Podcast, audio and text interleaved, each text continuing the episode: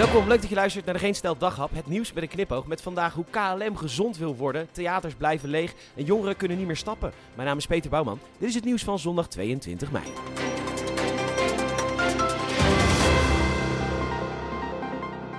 Je leven op orde krijgen. Soms is dat gewoon even nodig als je bijvoorbeeld uit de scheiding komt, of je bedrijf is failliet gegaan, of je vond de gokkast of het biertje net iets te leuk, of je heet geen Peter en je hebt andere problemen te verwerken. Wat er ook gebeurd is, velen van ons hebben tegenslagen en die moeten dan weggewerkt worden. En vaak is dat een langdurig proces van jezelf opnieuw uitvinden. Je moet misschien wat meer uren maken om uit de schulden te komen. Een grote valkuil is echter dat je voor de gemakkelijke oplossing kiest. In plaats van dat je een haalbaar plan gaat bedenken, ga je dan een lening aan bij een familielid of nog onhandiger. Leen van Frisia. Financieringen.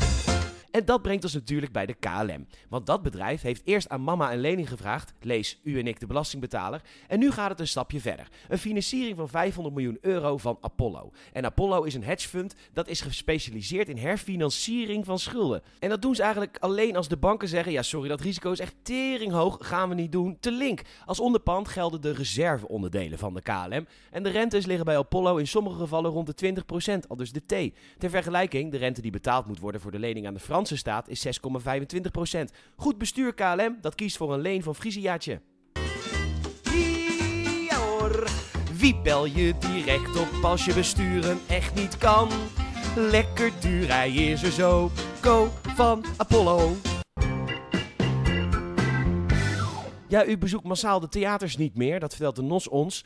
Volgens onderzoek door het Nationaal Theaterfonds gaan driekwart van de theaterbezoekers minder vaak dan voor de Rones. Mensen zijn gewoon te druk, al dus Charles Drosten van het Amphion Theater in Doetinchem. Inhaalfeestjes, verjaardagen, partijen, thuiszitten op de bank, een boterham eten, iemand bellen met een vraag, Windows updaten, een lamp vervangen, blij zijn, social media checken, een hartslag hebben, uit het raam staren, slapen, ademen, met of zonder slaapapneu.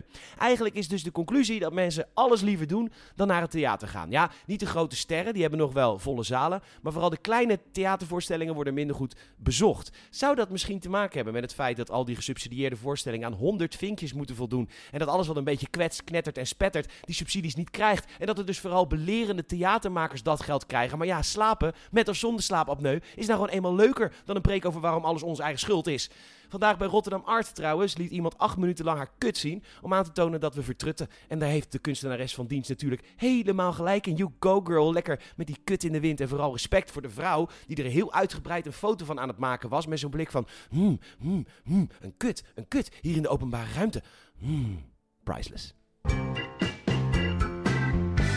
Hoe heeft u het uitgaan geleerd? Ik vraag het mezelf ook af. Volgens mij zuip je een keer te veel en dan word je heel ziek. En dan denk je de volgende keer toch misschien maar een biertje minder. Of je schuifelt een keer ongevraagd tegen een meid aan. En die snauwt je dan terecht uit dat dat niet de bedoeling was. Ja, Jezus, hoe leer je het leven? Maar Nieuwsuur heeft een item gemaakt over jongeren die niet meer kunnen stappen. Ze zuipen te snel, te veel, drinken zwaardere dranken. En ook het horecapersoneel dat nieuw is, weet niet hoe je ermee om moet gaan.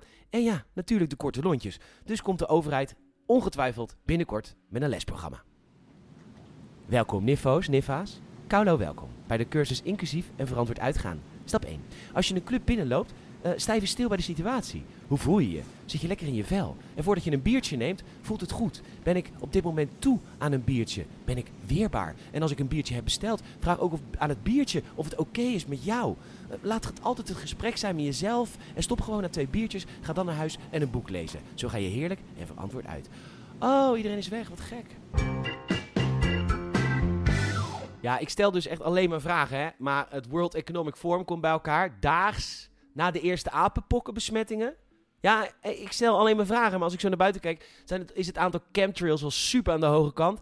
En de overbuurman, die zie ik met een jumbo-tas kinderlijkjes weglopen, baba. En ik stel alleen maar vragen, maar waarom werkt mijn 4G op dit moment niet? Hm?